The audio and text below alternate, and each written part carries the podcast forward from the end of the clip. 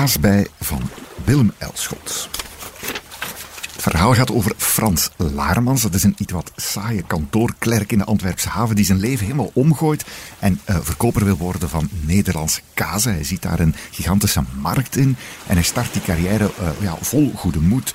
Uh, zoekt een kantoor, briefpapier, gaat mensen engageren en krijgt ook een eerste proefzending van zijn Nederlandse kaasproducent 10.000, jawel, vol vette Edammers om mee aan de slag te gaan. En het is een spoiler misschien, maar, maar in deze kan ik wel geven. Het loopt op een hilarische manier helemaal mis.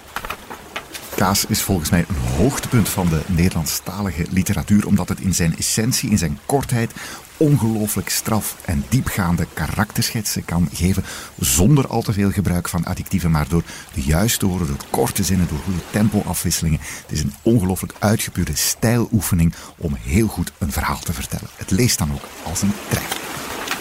De eerste zin is: Eindelijk schrijf ik je weer omdat er grote dingen staan te gebeuren en wel door toedoen van meneer van Schoonbeek.